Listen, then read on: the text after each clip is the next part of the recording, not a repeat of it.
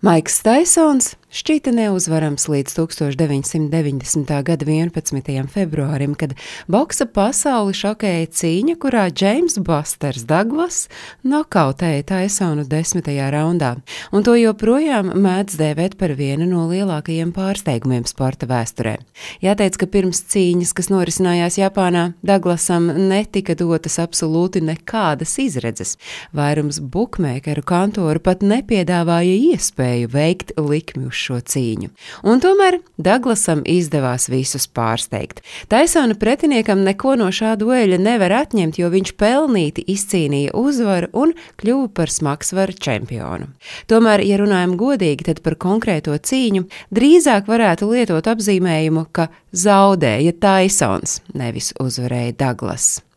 Ļoti iespējams, ka Taisona sniegumu ietekmēja arī dažādi boksera paša izraisīti negatīvi apstākļi.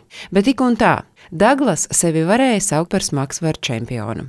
Par negatīvajiem Taisona paša izraisītajiem apstākļiem runājot, piesauc lieko svaru, seksu un vēl citus netikumus. Ja par lieko svaru, tad Taisons savas cīņas pārsvarā aizvadīja aptuveni 100 kg smags bet kad leģendārais bokseris ielidoja Japānā, lai sāktu gatavoties gaidāmajai cīņai pret Daglasu, viņš svēra par 14 kg vairāk nekā ierasts. Un tā kā līdz duelim bija atlicis mēnesis, bet bokseris gatavošanos neustvēra nopietni, cīņas promotors piesolīja bokserim naudas bonusu, ja viņš nometīs svaru līdz 100 kg. Un Šis triks nostrādāja. Taisonas svari pirms cīņas uzrādīja 100 kg atzīmi. Tiesa tas atspēlējās sportiskajā formā, jo laiku, ko viņš būtu varējis vadīt precīzāk, sagatavojoties pretiniekam, Taisonam nācās tērēt atbrīvojoties no liekā svara.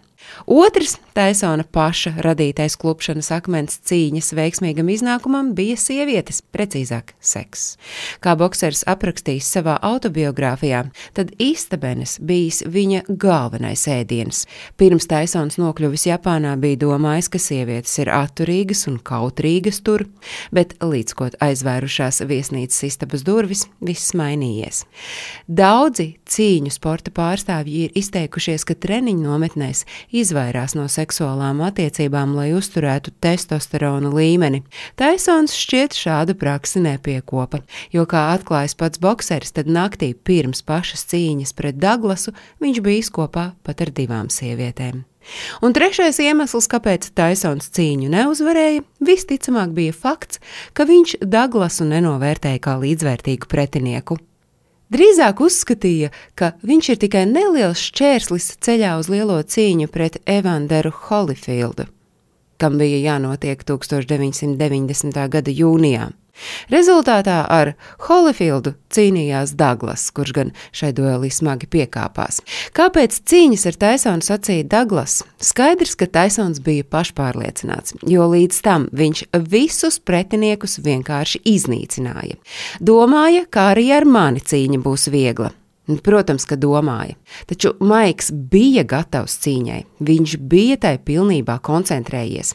Savukārt es ticēju saviem spēkiem un sapratu arī, ka viņš domā, ka izies man cauri bez grūtībām. Bet šī cīņa viņu nogalināja. Pēc tās Maiks vairs nekam nederēja. Viņš visu sevi atstāja toreiz tajā naktī. Protams, Maiks cīnījās labi, taču es vēl labāk uzsvēru Taisonu uzvarējušais Daglas. Līdz cīņai ar Daglasu dzelzs maigs patiesi bija neapturams, bet neveiksme duelī ar paša nenovērtēto pretinieku iezīmēja neveiksmju sākumu slavenā boksera dzīvē. Stāstīja Agnese Drunka.